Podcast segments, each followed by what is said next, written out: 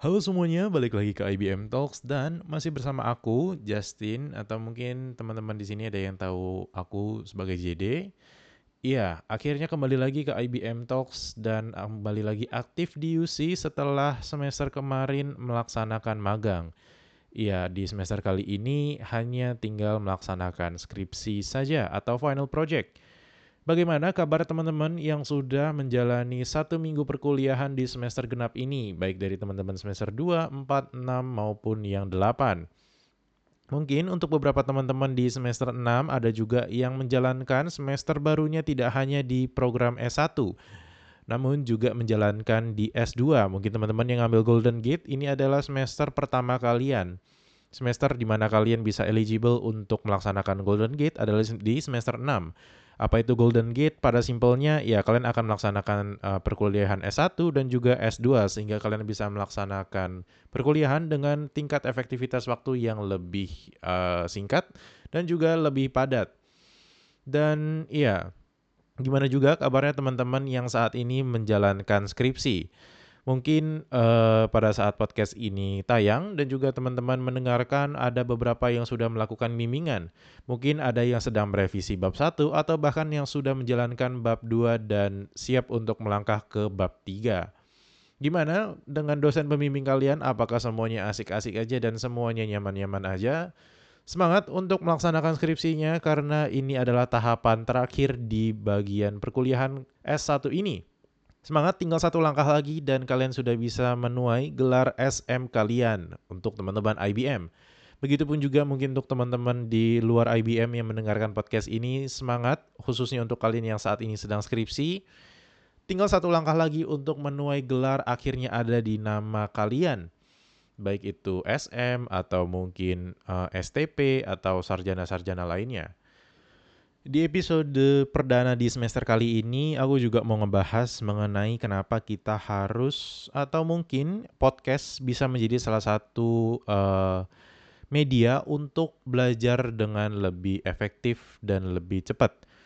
Uh, seperti contohnya, ini juga berdasarkan uh, informasi yang aku dapetin karena aku sendiri juga sangat suka dan sangat cinta dengan yang namanya self development uh, dari baca bukunya dan juga dengerin podcast-podcastnya atau juga mungkin nontonin video dari psikolog-psikolog maupun itu psikiater.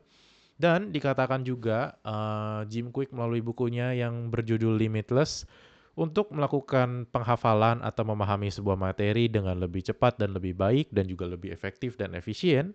Salah satu caranya untuk dilakukannya adalah dengan kita mengingat sesuatu sambil uh, mengingat tempatnya. Mungkin agak bingung. Uh, mungkin aku contohin aja. Seperti kalau misalkan kita mendengarkan podcast, uh, khususnya di mobil ketika kita sedang mengarah ke suatu tujuan. Aku sendiri uh, sudah membuktikan teknik ini dan ini sangat uh, efektif untuk mengingat atau menghafal sesuatu. Karena misalkan kita lagi ngarah ke UC, kita jalan dari HR Muhammad, kita akan belok dan kita ada di puter di bundaran depan PM, misalkan kayak gitu. Dan di bundaran itu kita sedang mendengarkan sebuah podcast dan podcast itu sedang mengajarkan kita mungkin cara untuk uh, marketing atau mungkin cara untuk menggunakan SWOT, cara menggunakan KSPM dengan baik dan tips-tips lainnya, apa pun lah yang kalian dengerin dan kalian pelajarin di momen itu. Dan di momen itu kita bisa menghafal dengan lebih baik karena kita akan mengingat di tempat kita sedang mendengarkan uh, materi tersebut. Misalkan dijelasin cara penggunaan SWOT atau SWOT adalah SW untuk internal, OT untuk eksternal. Dan itu kita dengarkan ketika kita ada di bundaran PM. Maka untuk melakukan recall atas memori tersebut, kita tidak perlu untuk mengingat uh, bagaimana cara untuk menggunakan SWOT, namun kita cukup mengingat apa yang terjadi di depan Pakuan Mall karena itu lebih vivid uh, ingatan kita uh, secara kita melewati jalan tersebut mungkin cukup sering dan uh, kita juga bisa mengingat mungkin lokasi-lokasi tenan-tenan yang ada di sekitar sana. Sehingga dengan kita melihat sesuatu dan kita berada di tempat tersebut kita akan bisa melakukan recall dengan apa yang sedang kita dengarkan, kita pelajari atau kita ingat di momen tersebut Makanya mengingat sambil mendengarkan podcast itu menjadi salah satu poin yang menarik dan cukup efektif gue gunakan. Seperti contohnya uh, gue mengingat uh, teori di mana ada namanya seperti aku yang sedang mengingat uh, sebuah teori yang dinamakan dengan Barnum Effect.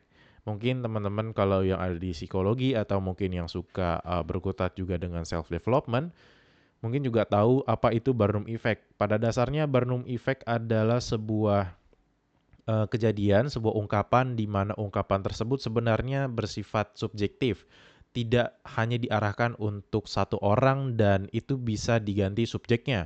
Seperti contohnya, uh, Barnum Effect adalah, ih bajunya bagus banget ih baju uh, kamu keren banget, ih handphone kamu keren banget.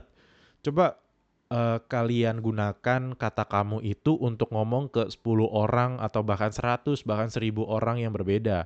Kalian juga masih bisa menggunakan kalimat itu dengan sama persis tanpa harus diganti sama sekali. Begitupun juga dengan yang terjadi dengan ramalan-ramalan yang ada.